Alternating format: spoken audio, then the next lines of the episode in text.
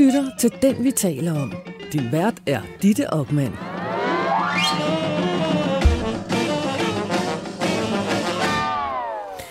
Velkommen til Den, vi taler om, Danmarks lille portrætmagasin, hvor vi taler og sladrer lidt om ugens hovedpersoner. I den her uge, der er det jo beklageligvis igen en, som er død. I forrige program, der talte vi om Lise Nørgaard. Øh, den kan du finde i din podcast-app under det, vi taler om. Og det blev et øh, ret vildt portræt af en virkelig vild dame. I studiet, der var Lise Nørgaards gode ven, operasanger Jens Christian Vandt, og en meget fantastisk gæst i øvrigt. Og så havde jeg besøg af Jakob Sten Olsen, som ved flere lejligheder har mødt og skrevet om Lise Nørgaard. Sidst der talte vi om vores nye udenrigsminister, Lars Løkke Rasmussen, som helt ærligt også blev en ret underholdende omgang. Og det øh, gjorde jeg med kommunikationsstrateg og tidligere chefredaktør på Ekstrabladet, Poul Madsen, og så med dig, Søs Marie Serup. Øh, Du har jo arbejdet meget tæt med Lars Løkke Rasmussen, dengang du var hans personlige rådgiver. Ja. Det var en uh, interessant Spændende tid. samtale, vi havde om den tid. Uh, vi kom omkring skandaler, men jo egentlig også hans sådan lunefuld person, og om det meget uh, uh, sådan familienære menneske, som vil gøre hvad som helst for at beskytte sin familie, og ikke mindst sin kone Solrun. Uh, velkommen til dig, søs. Tak skal du have. Da Rit Bjergård døde, tænkte jeg lidt sådan, Nå ja, det er noget med en undervisningsminister, noget med en overborgmester i København, og der var nogle skandaler, hvor hun havde fyret nogle skattekroner af på luksushoteller, noget med en syg stor lejlighed på Vesterbro, som altså overskrev enhver fantasi om, hvordan en socialdemokrat skulle bo. Øhm, men øh, hvad var egentlig dit første øh, møde med Rit? Jamen, jeg har stødt ind i hende mange gange sådan over årene, og har altid været meget fascineret af hende, fordi hun var en, jeg kan huske helt fra min barndom, folk talte enormt grimt om. Samtidig med, når, Nå. jeg, når jeg så hende i fjernsynet, så tænkte jeg bare, wow.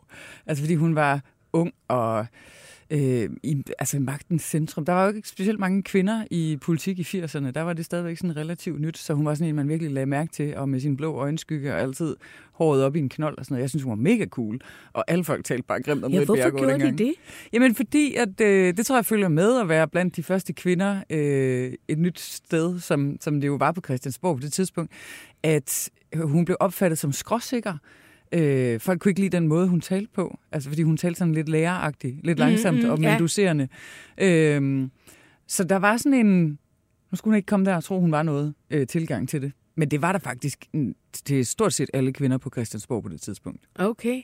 Men hvornår møder du hende første gang? Fordi du har faktisk skrevet bog med hende Ja. og en, en række andre øh, magtfulde kvinder. Den hedder Da kvinder tog magten. Ja. Øh, og den udkom for, er det en 2-3 Ja, år siden? 2018, Nå, øh, 18 er det. Okay, ja. okay. Øh, jamen, altså jeg har jo mødt hende mange gange gennem årene, men kan faktisk ikke huske første gang, jeg mødte hende. Men da jeg så skulle skrive bogen her, det var egentlig en bog, jeg havde forsøgt at få mange andre til at skrive igennem en årrække, for jeg synes simpelthen, den der generation af kvinder, der er født i 40'erne, de har været så betydningsfulde i dansk politik. Øh, og det var der så ikke så mange andre end mig, der rigtig øh, kunne se pointen i. Og så til sidst, så var der en redaktør, der sagde til mig, hvorfor skriver du ikke bare selv? Så jeg, Nå, det kunne jeg da også. Øh, og så skrev jeg til Rit, om hun ville være med, fordi hun var helt oplagt på listen over øh, de kvinder, der var interessant at tale med i den sammenhæng. Øh, og så blev jeg inviteret til kaffe ude i hendes øh, kartoffelrækkehus. Og der er det sjove, der kan jeg høre på alle, der har været der, men der er også sådan en... Man bliver godkendt i niveauer hos, øh, hos Rit. Øh, og det første, man kommer ind i, det er, at man kommer ind i, hun har sådan en lille samtaleværelse inde til venstre, lige når man kommer ind. Og så, bliver man, så får man serveret te, og hun er meget sød og imødekommende. Øh, og når man så ligesom kommer tættere på hende, så, voks, så kommer man også længere op i huset. Ja. og også i sommerhuset på et tidspunkt. Så man kan sige, der lærte vi hinanden godt at kende under den fase, øh, fordi vi selvfølgelig havde nogle lange samtaler, men faktisk også fordi hun gik ind og hjalp mig enormt meget med bogen. På et tidspunkt var der en vis risiko for, at den var ved at falde fra hinanden, fordi at, øh, at det ikke var alle de kvinder, der var med i bogen, der syntes, at at jeg skrev den på den rigtige måde. Mm. Øh, og der, der var hun cool, så ringede hun lige rundt og sagde, ja, men hvis man er vant til at blive portrætteret, så er det altså sådan, det foregår. Så Ja. det var sådan en lille perfid i rettesættelse af, af enkelte i gruppen, men, øh, men som hun jo bare var super cool til at gøre. Hvad var dit sådan, øh, umiddelbare indtryk af hende?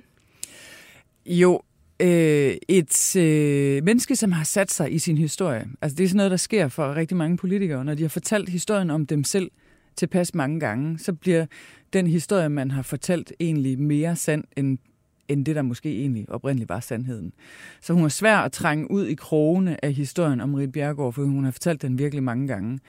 Øh, så der var et panser, man skulle igennem, men hun var samtidig øh, meget nysgerrig og spørgende også på øh, min egen oplevelse. Altså hun synes, det var mere spændende at høre om, hvad sådan en yngre kvinde, der havde været spindoktor på Christiansborg, mente om kønsforholdene på Christiansborg, end at svare på mine spørgsmål om, hvordan det havde været i 70'erne. Mm. Øh, så det blev sådan meget givende, øh, og vi kom til at tale langt ud omkring alle mulige emner. Ekstremt nysgerrig menneske. Og så kunne man godt mærke på et tidspunkt, at nu var, man blevet, altså nu var jeg ligesom blevet plukket øh, rigt godkendt. Og det kan jeg så høre fra mange andre, der har kendt hende, at, at der når man ligesom til det punkt, hvor hun konkluderer, at okay, hun kan sætte to sætninger sammen uden at slå sig på dem. Så nu er hun ligesom med i min gruppe et eller andet sted. Ja, fordi hun har jo egentlig øhm, har haft et, et øhm, ry for at være sådan rimelig hård ja. type, ikke? Ja, og det, det, det grinede hun også tit af, hvis hun kom til at sige noget. Jeg har også lavet meget fjernsyn sammen med hende, og hvis hun kom til at sige noget, der var sådan sødt eller medfølende, så, så grinede hun altid bagefter og sagde, så må vi hellere stoppe der, for man skulle nødt ødelægge sit image. Altså hun tog det ligesom på sig, det der med, at hun var blevet kendt som en hård nyser, og altså, er også kendt for at sige, hellere være en kælling end en kylling. Øh. Jamen, ja, hun havde sådan nogle ja. måder at håndtere ja. det der på, men havde en uh, fuldstændig nøgtern anerkendelse af, at, uh, at sådan måtte det være, at sådan ville folk opfatte hende, og det vigtigste det var at komme igennem med sine ting.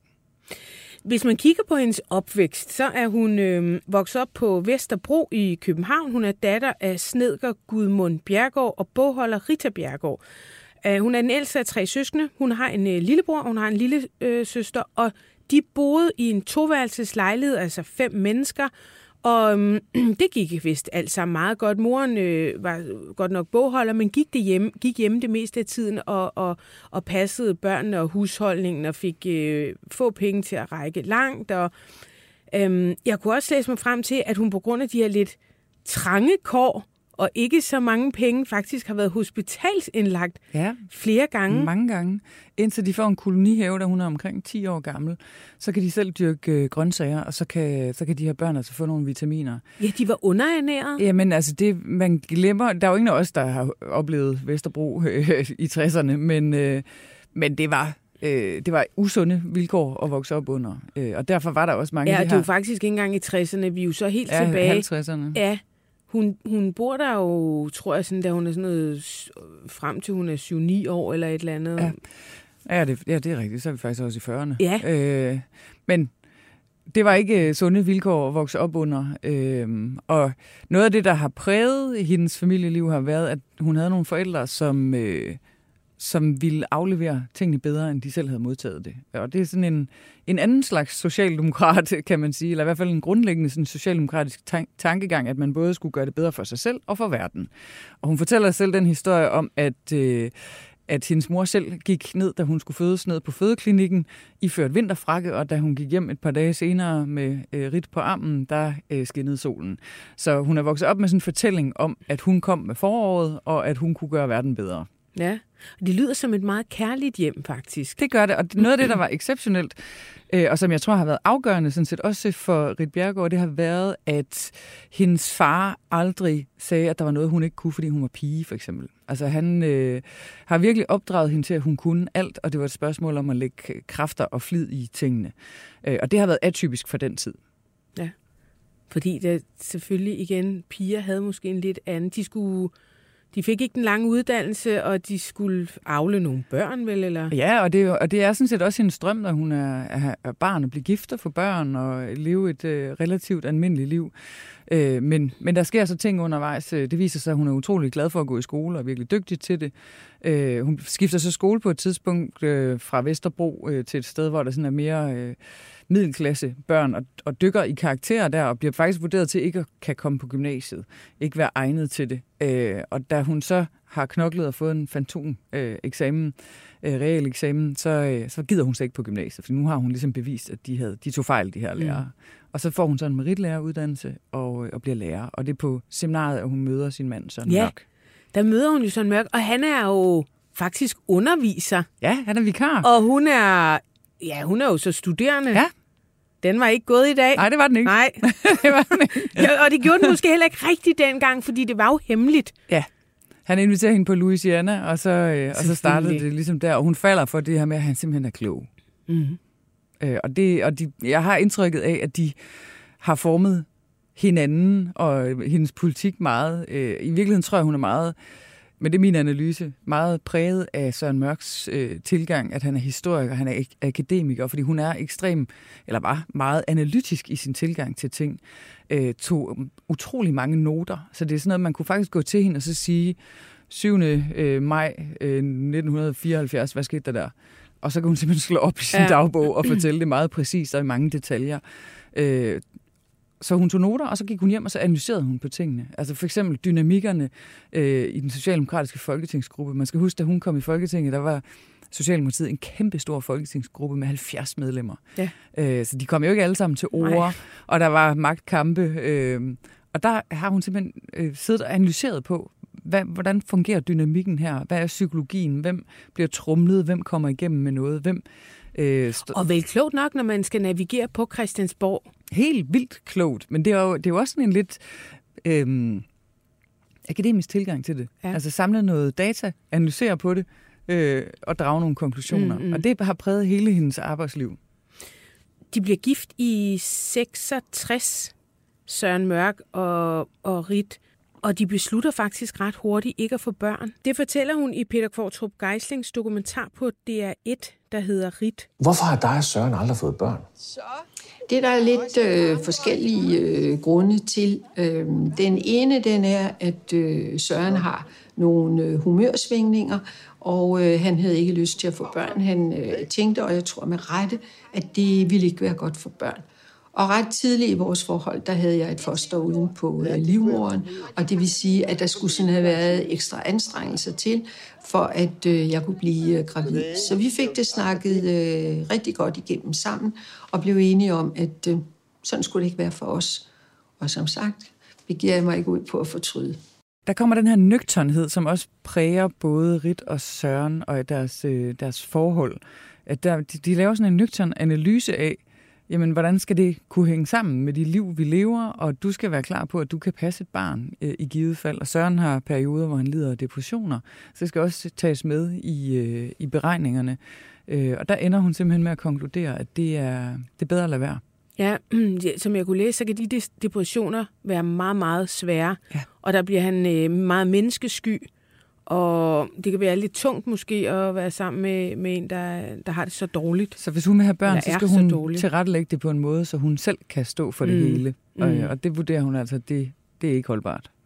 Men en af de øh, ting, der også måske er lidt atypisk for et almindeligt ægteskab, øh, det er jo, at de aftaler, at de må faktisk gerne have andre kærester, og de må også gerne bare bolle rundt. Ja. Altså, de har et piv-åbent forhold.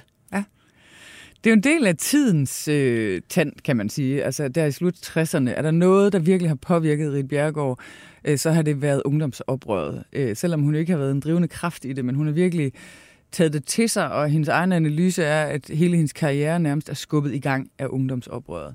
Men med det fulgte jo også et opgør med almindelige samværsformer, livsformer, familieformer.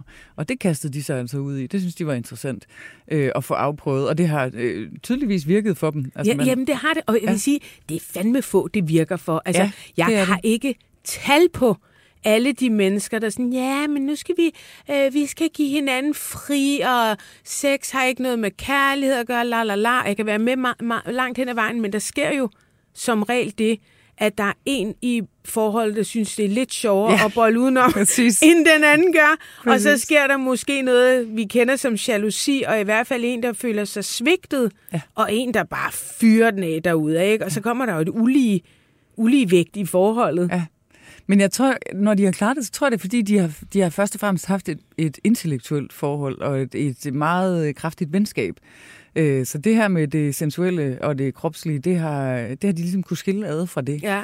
Øh, men det er også, altså det, hun har jo også fortalt om, at hun synes, det var fantastisk med musikken, der ændrede sig der i, i 60'erne og blev meget sensuel, hvor hun Ja. voksede op med, med de klassiske danseformer med god afstand, så øh, blev det med Doors, som hun øh, synes var de fede. Øh, så blev det Ja, ligesom, næsten noget liderligt dans. det blev simpelthen liderlig dans, ja. Ja, og, og, og, og, og det gad Søren ikke. Altså Nej. Søren, han ville overhovedet ikke danse, han vil gerne være fri for dans. Og det er rigtig nok, så beskriver hvordan, hvordan den der dans og sådan sensualitet, jeg ved ikke, om hun ligefrem ender med at bolle med alle dem, hun danser med, men det er klart, at der, at der sker nogen, sådan en, en sensuel kontakt med andre mennesker, som hun bare dyrker to the fullest. Ja, og jeg tror jo egentlig også, at det har været afgørende, at de har været ligeværdige, øh, fordi han starter, ja, han er jo ældst hele vejen igennem, men, men der har han jo selvfølgelig haft en, en anden tyngde, end hun havde til at begynde med, da hun bare i gåseøjne var en ung, smuk lærerinde, øh, og han var den, den dygtige ældre underviser. Der har han jo haft en overvægt. Senere i livet har hun måske en overvægt, men så har han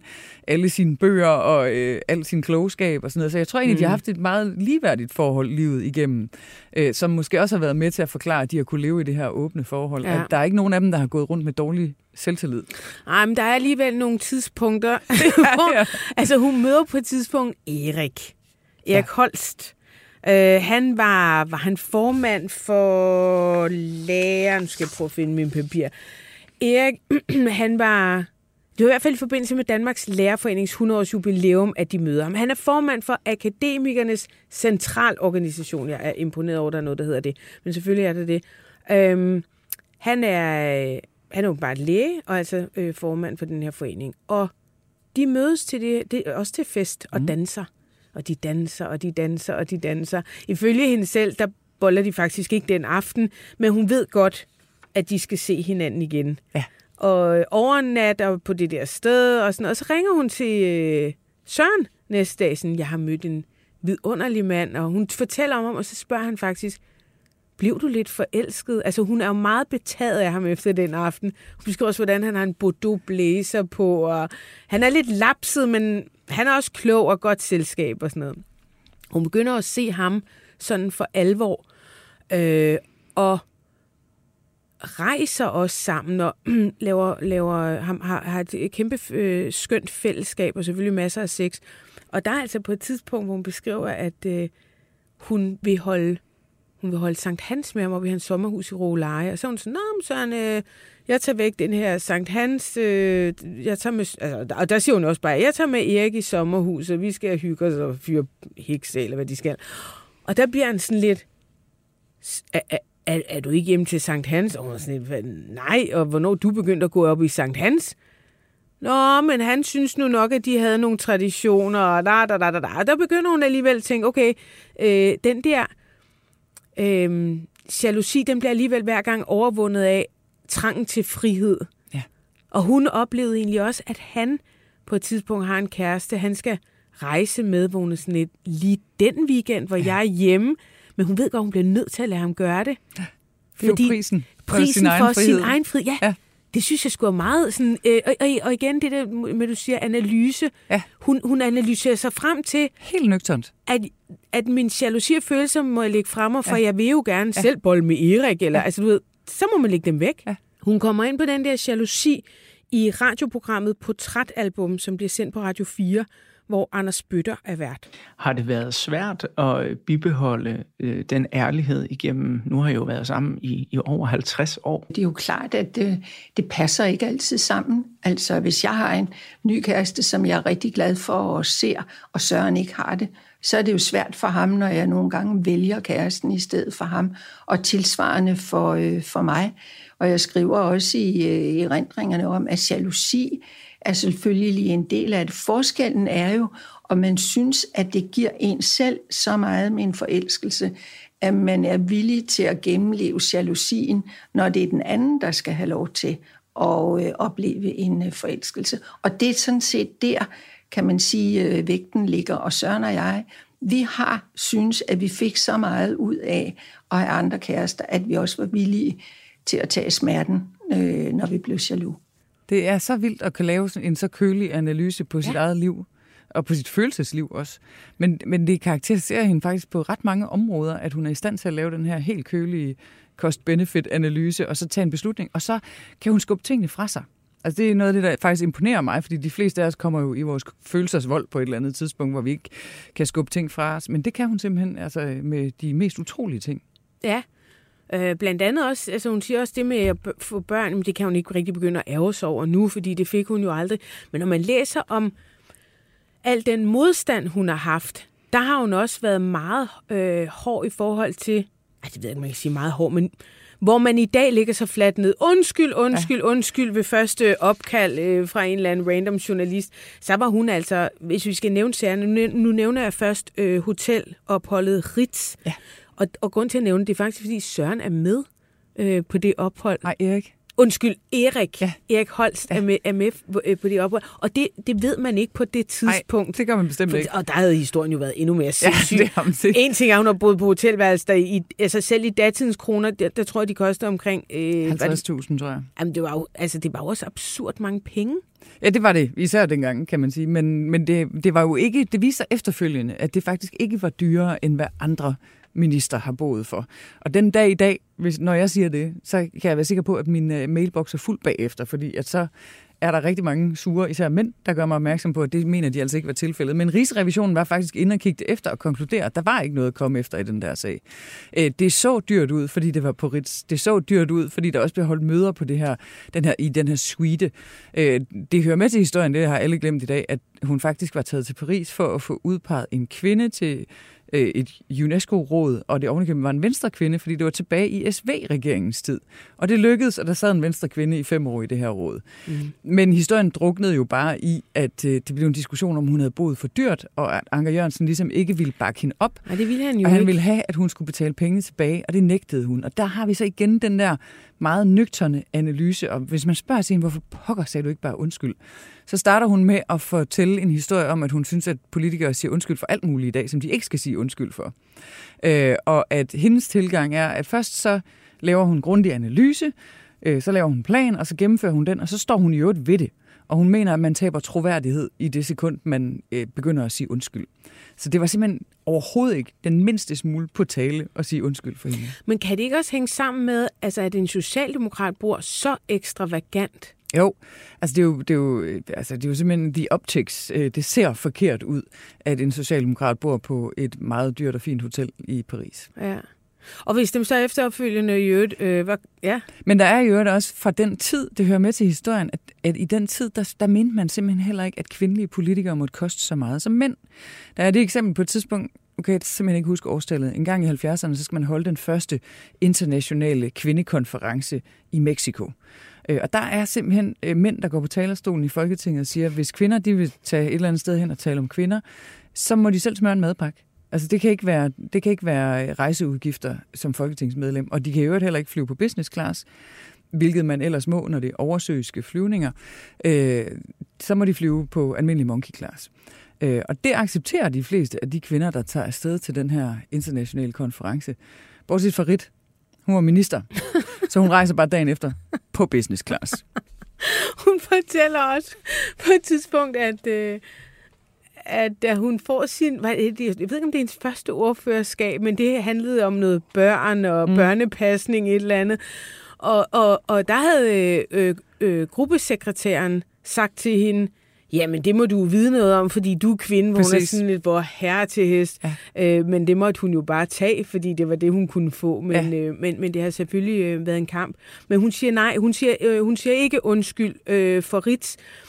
Hun har siden sagt, det måske, altså det, at hun ikke betalte pengene tilbage, måske stod i vejen for, at hun blive statsminister. Hvad, hvad siger du til den? Nej, det er ikke så meget det, tror jeg. Jeg tror mere, det handler om, at øh, fagbevægelsens top simpelthen ikke var vild med hende. Øh, generelt var det sådan for de kvinder, der kom ind dengang, at ofte så var de ikke særlig vellidte, hverken i toppen af deres eget parti, eller de organisationer, som støttede de partier.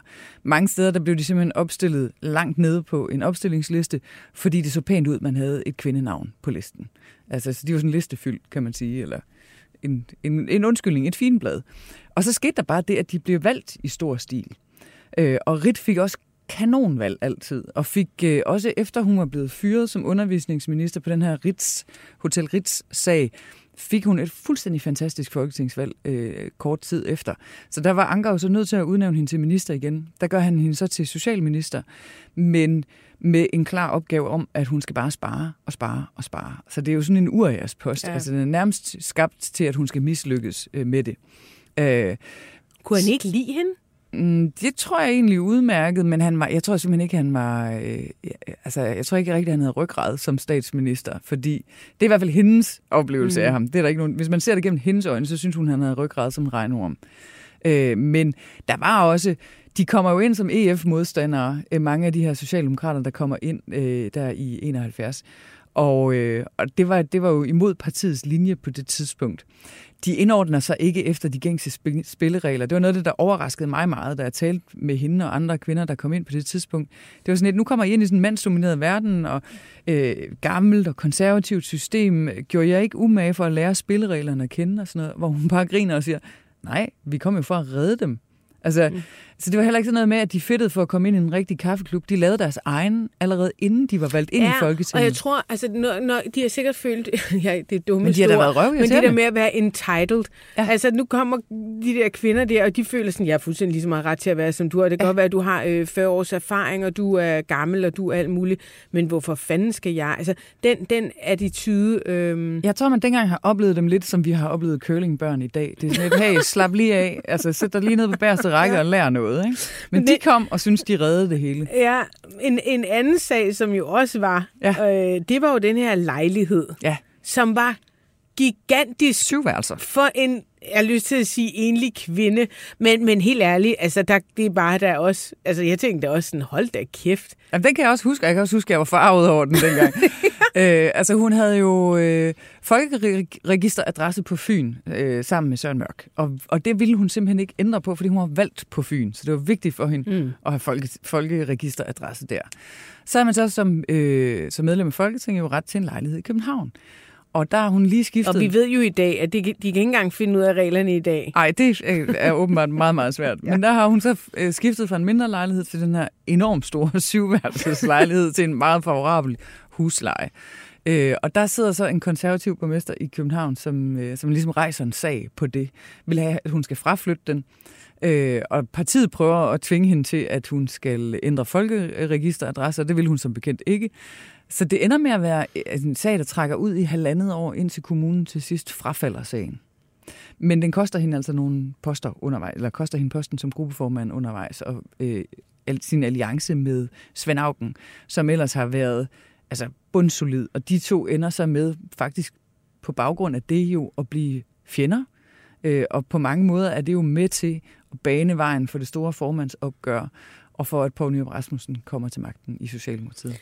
Men, men er, det, er, det, er det princip, eller hvad fanden, øh, eller er det det, der, der er så indgroet i hende? Jeg skal fandme ikke, øh, jeg skal ikke sige undskyld for noget, alle de andre øh, havde, havde ret til, eller jeg har ret til, eller vi taler jo tit om, også i det, vi taler om, altså ja. en ting er, hvad du har ret til, en anden ting er, øh, hvordan er det, vi plejer at formulere det, at, at, at, at, noget kan være efter reglerne, med noget af... Ja, moralsk anstødeligt. Ja. Og der er hun bare altså virkelig regelrytter. Hun har fuldt reglerne. Ergo er det i orden. Ja. Og så bøjer hun, hun sig ikke. Hun, op, hun øh, ansætter jo også ham, øh, lægen Erik ja. Holst, ja. på et tidspunkt i et udvalg. Og, og, og, man, og så er hun sådan et, hvad problemet i det? Det var jo ikke øh, fuldtid. Jamen, det er jo lige meget, om det er fuldtid eller deltid. Det kan jo ligne nepotisme. Jamen, det var det ikke. Han var dygtig. Ja. Altså, uh, det er bare sådan... Jeg, jeg kan godt lige tænke mig at spille et klip, øh, hvor hun faktisk øh, taler om øh, det at begå fejl eller sige undskyld. Jeg går ikke op i, om, øh, om jeg begår fejl. Det bruger jeg ikke tid og kræfter på. Jeg bruger tid og kræfter på at tænke, hvad kunne jeg så gøre bedre? Så du har ikke sådan en ting, hvor du tænker, ej, den her, den vil jeg godt nok ønske, jeg har grebet helt anderledes af? Ikke sådan, at jeg går og, øh, og tænker over det, nej. Det er fra Rit på DR.dk, hvor hun taler med øh, Peter Kvartrup Geisling. og øh, der er hun sådan rimelig kølig. Altså jeg tænker, man kan godt slå sig på den dame, ikke? Ja, det kan man bestemt. Altså, det kan man bestemt. Og det er der mange mennesker, der har gjort. Øh, men der er også noget cool over bare at være så... Øh, altså, men hun havde også den her tilgang med, hvis der var sket noget, så skulle man ikke altså man skulle, man, man skulle ikke vende det indad. Man skulle ikke blive ked af det, fordi så vendte det indad. Man skulle blive vred, så vendte det udad. Og så vrede, det blev ligesom sådan en, en motor, man kunne bruge til noget. Man kunne angribe, man kunne gå ud og kæmpe. Øh, og det var et råd, hun gav videre til mange især kvinder. Lad nu være med at blive ked af det og vende det indad. Du skal blive vred i stedet for. Ja. Og hun har også sagt, at magt, det er ikke noget, man får, det er noget, man tager. Altså, ja. hun har været meget målrettet i, i sin karriere, ikke? Altså, hvordan og hun... en af meget få kvinder, som taler om magt som magt. Altså, de fleste, de, de kan bedst lide at bruge ordet indflydelse. Så kan det være, at man får noget indflydelse. Mm. Hun er fuldstændig kølig. Det er magt, og det Samtidig, gælder om at bruge den. Så, altså også sådan stødt på noget, jeg ved jo ikke, om det er karaktertræk. Jeg har ikke sådan mødt hende, men det er også ligesom om, at hver gang hun så begår en fejl, eller lad os sige noget, hun ikke opnår, som hun har arbejdet for, så lyder det også lidt som om, at om det var ikke nødvendigvis min skyld, det var også bare fordi, altså der er altid en forklaring, øh, jeg stødte på, da hun var, da hun var overborgmester, mm. der havde hun den sidste tid en masse visioner for København, og noget med nogle billige boliger. 5.000 boliger, boliger til 5.000 kroner på fem år. Ja, ja. ja og det blev vist til 10, tror jeg, eller sådan ja. 10 boliger til 10.000 kroner. Ej, men, men, men der var, og der var også andre sådan ting, hun ikke kom i mål med, og det er jo ikke som sådan unormalt, at man ikke lige... Men, men der har hun i hvert fald været meget optaget af, at, og det skriver hun i, sin, øh, i, i det sidste bind af hendes erindringer, øh, de nederlag, hun så har alligevel mødt. Og, og der lyder det lidt som om, det er lidt andres skyld. Altså, hun, hun siger blandt andet, styreformen på Københavns Rådhus, øh, det er noget lort. Altså, det er noget lort med en borgmester og seks fagborgmester. Det er en giftigt miljø. Det tror jeg som hun har ret i. Det tror jeg også. øhm, og dels så er det også bare det kommunale byråkrati. Øh, det er tungt, og det er det ene og det andet. Og, og så synes hun i øvrigt også, at hun blev modarbejdet fra Christiansborg. Så man kan sige, så kan man jo, det kan man jo så undskylde alle borgmestre i hele verden øh, med, fordi byråkrati, altså, det er jo noget, politikerne selv har skabt. Ikke noget, jeg har fundet på, eller du Jamen, har fundet generelt på. er hun sådan meget afvisende. Altså, der er sådan lidt, øh, ligesom når få i gamle sagde, der er ikke noget at komme efter. Øh, altså, hun afviser det bare. Det er det samme, hvis vi tager kommissærens dagbog, som blev sådan en kæmpe sag. Ja. Øh, da hun var EU-kommissær, øh, ville hun jo ligesom åbne det op og fortælle danskerne om, hvad laver sådan en kommissær egentlig. Og det er jo efter, at hun synes at også har omtalt Europaparlamentet som Mickey Mouse-parlament og andre ting. Så der og var... gik også benhårdt efter Jacques Chirac, gjorde ja. hun ikke? Og det er jo så det, i, i de her dagbøger, der, der, der beskriver hun altså nogle af de væsentlige samarbejdspartnere som nogle som idioter. altså rallende idioter. Ja, måske var de det. Ja. Øh, og, og der vælger politikken jo så at udgive den her bog, efter hun egentlig selv har besluttet sig for at trække den tilbage. Ja, altså det var jo det, der var lidt spøjt, øh, søs, fordi den var jo faktisk klar til at blive udgivet. Ja. Og i det, som jeg husker det, er sådan lidt sidste øjeblik-agtigt, jamen den kommer så ikke ud alligevel. Og, og politikken får fat i den, eller har den allerede, og vælger så at trykke helt bogen i et særtillæg. Ja, og jeg har faktisk gemt det helt fra dengang. Øh, altså, det var ikke sådan et, jeg skulle ud og finde igen, der skulle skrive min bog der. Det, jeg havde det simpelthen liggende i min gemmer, fordi jeg kan huske, jeg synes, det var så vildt. Det var det også. Øh, og og- Thyre Seidenfar, fik en dom. Ja, ja jamen, det var en kæmpe sag. Ja. Øh, men det er jo også sådan en, hvor... Og den har jeg selvfølgelig også spurgt hende til efterfølgende. Fortryder du det, og var det en fejl? Og... Nej. Nej, jamen altså, det er sgu meget inspirerende på en eller anden måde. Men, men har hun ingen selvrens, eller havde hun ingen selvrensagelse? Jo, det, det har hun da masser af. Øh, altså, jeg tror, at her i de senere år har hun tænkt meget over for eksempel det her med, at øh, den berømte tårer, da hun bliver fældet som, øh, som undervisningsminister, kommer hun til at klemme en tårer, øh, da hun skal sige farvel til medarbejderne. Hun har egentlig stået det igennem øh, interviews og øh, offentliggørelse af det hele uden nogen problemer, men, men da hun står i ministeriet og skal sige farvel til, til, øh, til medarbejderne, så kan hun godt mærke, at nu klemmer den her tårer sig på, og hun kigger op i loftet og blinker med øjnene og alt, hvad man kan, men den, der triller altså en tårer. Og det her, findes der jo altså hundredvis af interviews, hvor hun siger, at det er hun træt af. Øh, og der har forklaringen også ændret sig lidt over årene med, hvorfor hun var træt af det. I begyndelsen var det sådan lidt, fordi hun, øh, at det handlede ikke om hende. Og, altså det var sådan ligesom sådan en, en, en, ting med embedet. Hun stod der jo som minister, og det var aldrig hende, det var synd for. Øh, senere brugte hun mere forklaringen med, at at det her med, at det, det fører ikke nogen steder hen at sidde over i et hjørne og synes, det er synd for en selv, og det har været alle de andre mod en. Det fører til noget at blive vred og vil have noget at bevise. Øh, men der tror jeg, at i de senere år har hun haft en selverkendelse om, at det har hun måske haft en lidt firkantet holdning til, og der sker ikke noget ved at fælde en tårer. Det dør folk altså ikke af. Mm. Men det, det er små erkendelser. Du nævner flere gange, at øh, altså det der med, at hun er første kvinde i en af de første kvinder Hun er i faktisk kun nummer 10 kvinde i Danmark, der bliver minister. Ja, altså ja. Øh, indtil da, der har der været mange kvindelige ministerposter, men de har været fordelt mellem de samme ni mennesker, siden Nina Bang blev minister første, som første kvinde i Stavningsregering. Det er ret vildt at tænke på, at fra Stavningsregering ja, og så til Rit bliver øh, minister i SV-regeringen, der har der simpelthen kun været ni kvinder øh, de få kvindelige ministerposter har roteret imellem. Så hun er simpelthen nummer 10. Ja. Og det er jo bare banebrydende. Og fra hende og frem, der går der så hul på det. Og så begynder der at komme flere og flere kvindelige minister. Men øh, jeg, jeg, jeg læste et sted, at øh, Lykketoft havde sagt, da hun øh, mistede gruppeformandsposten, gruppeformandsposten ja. ja, at, at han skulle have sagt til hende, at... Øh, at det var sådan set fint, fordi så kunne der komme andre kvinder til, som om hun havde stået i vejen for, at andre kvinder... Det, det, og det blev hun skulle, øh, det stødte hende på manchetterne, ja. fordi hun selv mener, at hun har faktisk forsøgt at hive kvinder ind og, og være med til at bane vejen. Har, og det har hun virkelig ja. også. Altså, hvor det vil være en fuldstændig berettiget anklage over for rigtig mange andre kvinder, øh, som har ligesom været så har de både kunne få bestyrelsesposter, de har kunne sidde i medierne, de har kunne være i politik, de har sat sig på det hele øh, over en flade. Så har Rit virkelig kæmpet for at trække folk med sig. Og det findes der masser af vidnesbyrd på. Hendes øh, nære veninde, Christina Antorini, er, er en af dem, der selv har fortalt det. Christina Antorini var dengang medlem af SF, der Rit ringer til hende og siger, det er da svært at være dig, og skal virkelig mødes. Men, men hun gjorde det generelt øh, helt fra start. Øh, samlet netværk af kvinder, som hun så løftede med frem og ind øh, forskellige steder. Og hele sit liv arbejdede hun på netværk. Helt til det sidste skabt på netværk. Øh, og gjorde alt, hvad hun kunne for at hjælpe, hjælpe øh, folk frem. Jeg kan huske på et tidspunkt, jeg lige havde haft en samtale med hende om, at det er lidt pudsigt i politik, hvis man virkelig er i problemer, så er det som om alle står og kigger på en, der er ved at drukne, øh, og tænker, at det bliver spændende at se, om hun kan svømme. Øh, og når folk så har bevist, at de kan svømme, så giver man dem så et håndklæde. Det har vi lige talt om dagen før. Og så næste dag, der kører der en kæmpe historie op med, at Mette Gerskov er ved at blive forsøgt væltet af den socialdemokratiske partitop fra sin, øh, fra sin kreds i, ude i Roskilde. Og så ser jeg, at Mette Gerskov har opdateret på, øh, på Facebook et billede, at der er kommet blomster fra Helle Dejen og Rit Bjerregaard og en mere, nu kan jeg ikke lige huske, jeg tror det var Jytte Andersen, øh, med held og lykke og bare stå det igennem og sådan noget. Så mm. altså, hun, det, var, det var meget håndgribeligt, det var meget... Øh, altså, gennemsyrende. Altså, der er simpelthen så mange, der vil kunne hvorfor sige... Siger, hvorfor siger Lykketoft så sådan noget?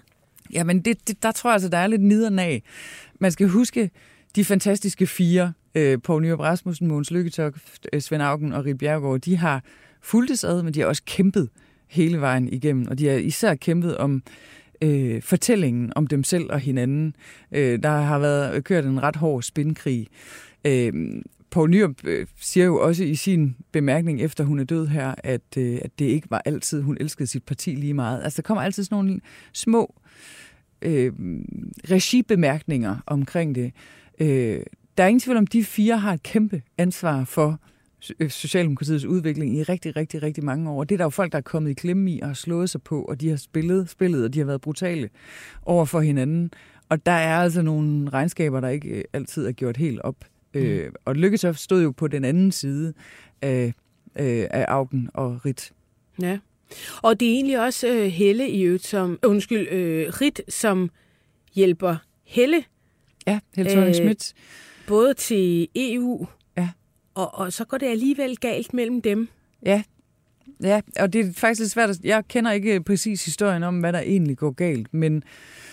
Altså, som jeg sådan, rent tolker det, mm. så er det Altså, jeg har faktisk også tænkt på, om, om, om, om Rit hjælper Helle for at hjælpe Helle, eller om Rit hjælper Helle, Helle fordi netop, at der uh, kunne dannes nogle fraktioner, eller at man kunne få noget indflydelse, eller det, så får jeg det på min måde, eller det ved jeg ikke. Men jeg kan i hvert fald konstatere, at, at da Helle så går efter statsministerposten, der bliver hun jo decideret modarbejdet af Rit Bjergård, og, og, og bliver omtalt som om, at altså, hun er udulig, og politikken er ligegyldig, og der er ingen visioner, og ja. der er ingen politik. Og, altså, jeg ved ikke, om det er sådan var helt kulturelt, at de så alligevel viste sig at, at, at synes, at Socialdemokratiet skulle i to helt forskellige retninger, eller om Helle var for teknokratisk? Eller? Mm, jeg tror, at Rit synes, at Helle var den rigtige til Europaparlamentet, øh, og måske også til at blive valgt i Folketinget, men ligefrem øh, Socialdemokratiets formand, det, øh, det var måske, der var hun måske ikke ægte socialdemokrat nok, eller var lidt for blå bjernet i det. Øh, og derfor laver Rit jo den her Den Røde Skole, som hurtigt bliver ja. omdøbt til Rits Røde Skole, øh, og som bliver opfattet som et decideret øh, forsøg på at modarbejde den daværende øh, ledelse, og det var det også. Ja. Øh, det kunne man jo i hvert fald godt forstå, hvorfor ja. nogen tror. Altså, det var jo sådan lidt, at, at, at Rit Bjergård begynder at samle folk omkring, så jeg skal lave en ny ko- øh, kaffeklub, som så bliver den røde skole. Ja, og nu skal der være politikudvikling, og, hvor ja, det nu skal vi udvikle hey, er I lige blevet valgt på noget ja. ny politik? Så. ja, og hvor hun jo også skulle sige, men den politik, der er jo ikke rigtig nogen politik. Hvad er det egentlig, Socialdemokratiet vil i dag? Det bliver vi nødt til at sætte os ned og finde ud af. Ja. Sådan, wow! Ja med sådan nogle venner, så har man ikke lyst til at møde sine Ej, fjender i hvert fald. Ikke, ikke rigtigt, ikke Ej, rigtigt. Det var, det var ikke hjælpsomt. Nej. Hun har siden øh, sagt, at det kan da godt være, at det lignede mobning. Jeg vil sige, det lignede mere end mobning. Men det synes hun alligevel, at, øh, at en ja, altså partiformand eller statsminister i, i, i øvrigt må tage sig. Det må de bare Ja, det havde hun ikke synes, hvis hun selv havde været statsminister. Måske ikke. Nej, det tror jeg bestemt ikke. Hun er blevet kaldt øh, den sorte enke mm. øh, i den forbindelse. Altså hun ligesom fødte Helle Thorning, og så ud hun hende. Kvalte hun hende bagefter. ja, skrækkeligt. um, der sker jo det, som vi ved, at øh, Rit Bjergård får konstateret øh, kraft i endetarmen. Mm. Og i starten, der tænker hun, nå, det er ikke så godt, det bliver selvfølgelig opereret, og, men det viser sig at blive en lille smule mere kompliceret end som så. Øhm. Ja, altså det, hun har jo haft en terminal diagnose i, i mange år, altså øh, fået at vide, at du kommer ikke til at blive helbredt for kræft, øh, så du kommer til at dø med det her. Øh, og også det har hun haft en ret nøgtern tilgang til.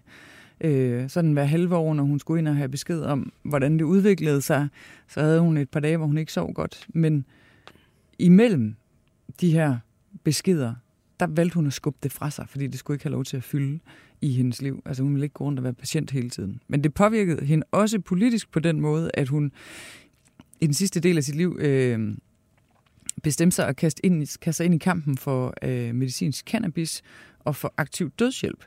Øh, så øh, man må sige, at hun har brugt sig selv også i de politiske holdninger, hun har valgt at føre frem.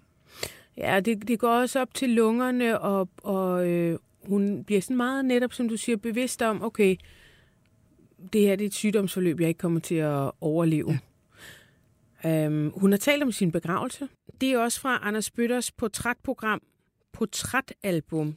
Hvordan vil du gerne herfra, hvis du helt selv kunne vælge?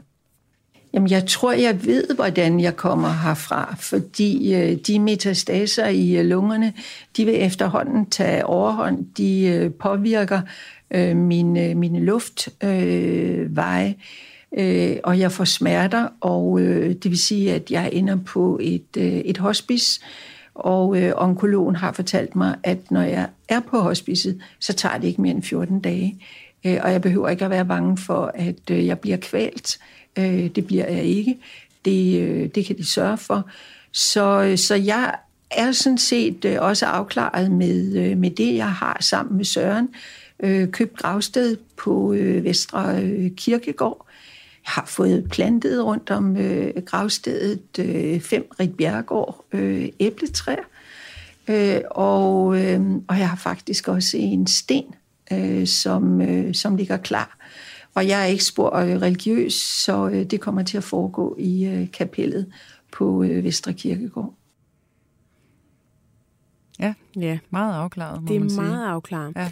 Det er egentlig, øh, jeg tror ikke, det er så unaturligt, at øh, mennesker, når de når den alder, og måske altså kloge kvinder ja. i den alder kan forholde sig til det, ikke? og netop få sørget for, at øh, det så vi også med Lise Nørgaard, hun havde også planlagt sin begravelse. Man kan jo godt regne ud, hvad var det? Og altså man kan sige, at Rit Bjergård blev jo faktisk også ret gammel, selvom hun havde kræft. 81 er vel ikke så gammel er det ikke i dag? Det? Nej, det, det tror jeg ikke. Nå.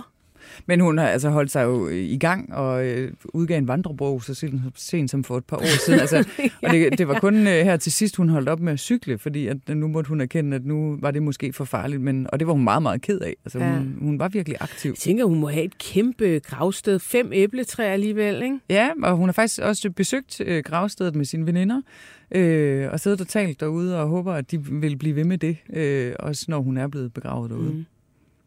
Og det bliver hun jo så... Onsdag i næste uge. Ja. Skal du med? Nej.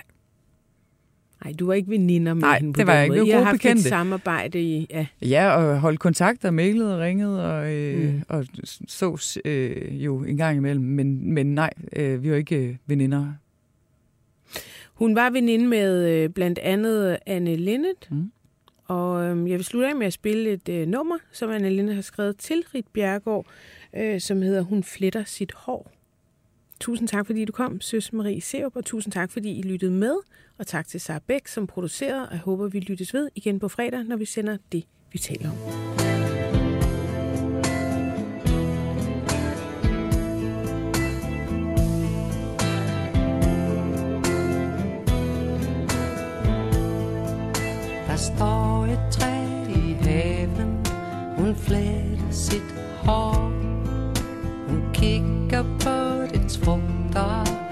Og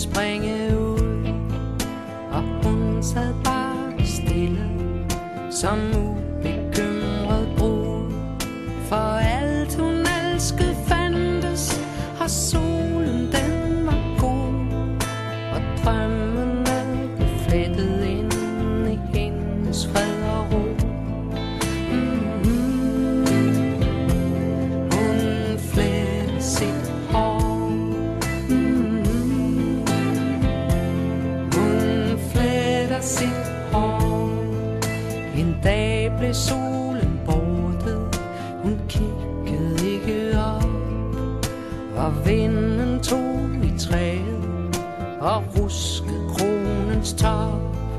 Hun sad som musse stille Så alt kunne falde til ro. Men vinden den tog til Når natten kom Og stormen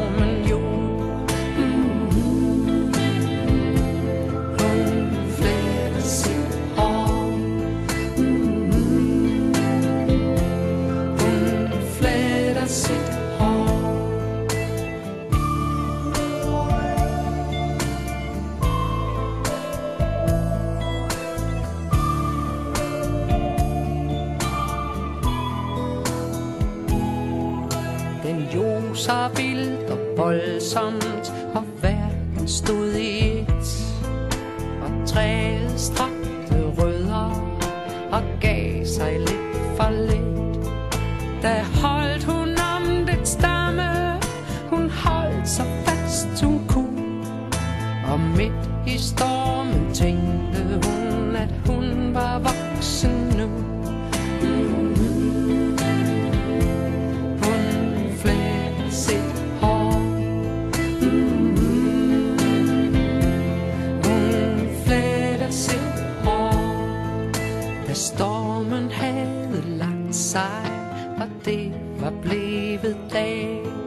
Så gav hun slip på træet Og tog sine klæder